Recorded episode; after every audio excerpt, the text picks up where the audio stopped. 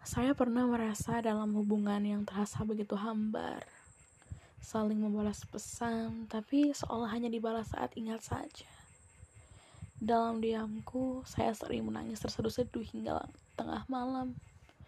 Kita sedang apa? Kita ini kenapa? Kamu maunya gimana? Berkali-kali kalimat itu muncul di pikiranku satu persatu. Dan aku tak mampu menjawabnya selain tangis dan perasaan takut bahwa kamu sudah berubah. Apa ini yang namanya titik jenuh? Atau kamu sudah tidak tertarik lagi denganku? Tidak, mungkin kita sudah tak saling menginginkan lagi.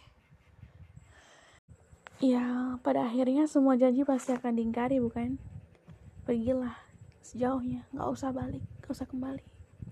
Gak usah menyesali apa yang sudah terjadi di antara kita percuma kembali sudah gak ada lagi yang tersisa. Semuanya tak lagi sama. Pergilah gak usah memperbaiki diri. Aku layak untuk bebas darimu. Aku pernah meminta kepada Tuhan dalam doa Tuhan aku ingin bahagia. Tak lama kemudian Tuhan mengabulkannya. Hadirlah dirimu dalam hidupku. Kamu seperti ada istimewa yang dikirimkan Tuhan untukku sepaket dengan sosok yang perhatian, penyabar, dan penuh kasih sayang. Semua memenuhi apa yang inginkan dari doaku kemarin. Setelah ekspektasiku yang meninggi, kamu tiba-tiba menghilang. Melahirkan kecemasan tentang salah apa yang sudah kuperbuat.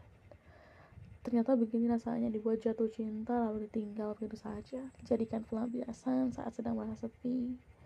Pantas saja kemarin kau enggan menjanjikanku semua akan baik-baik saja ternyata ini jawabannya.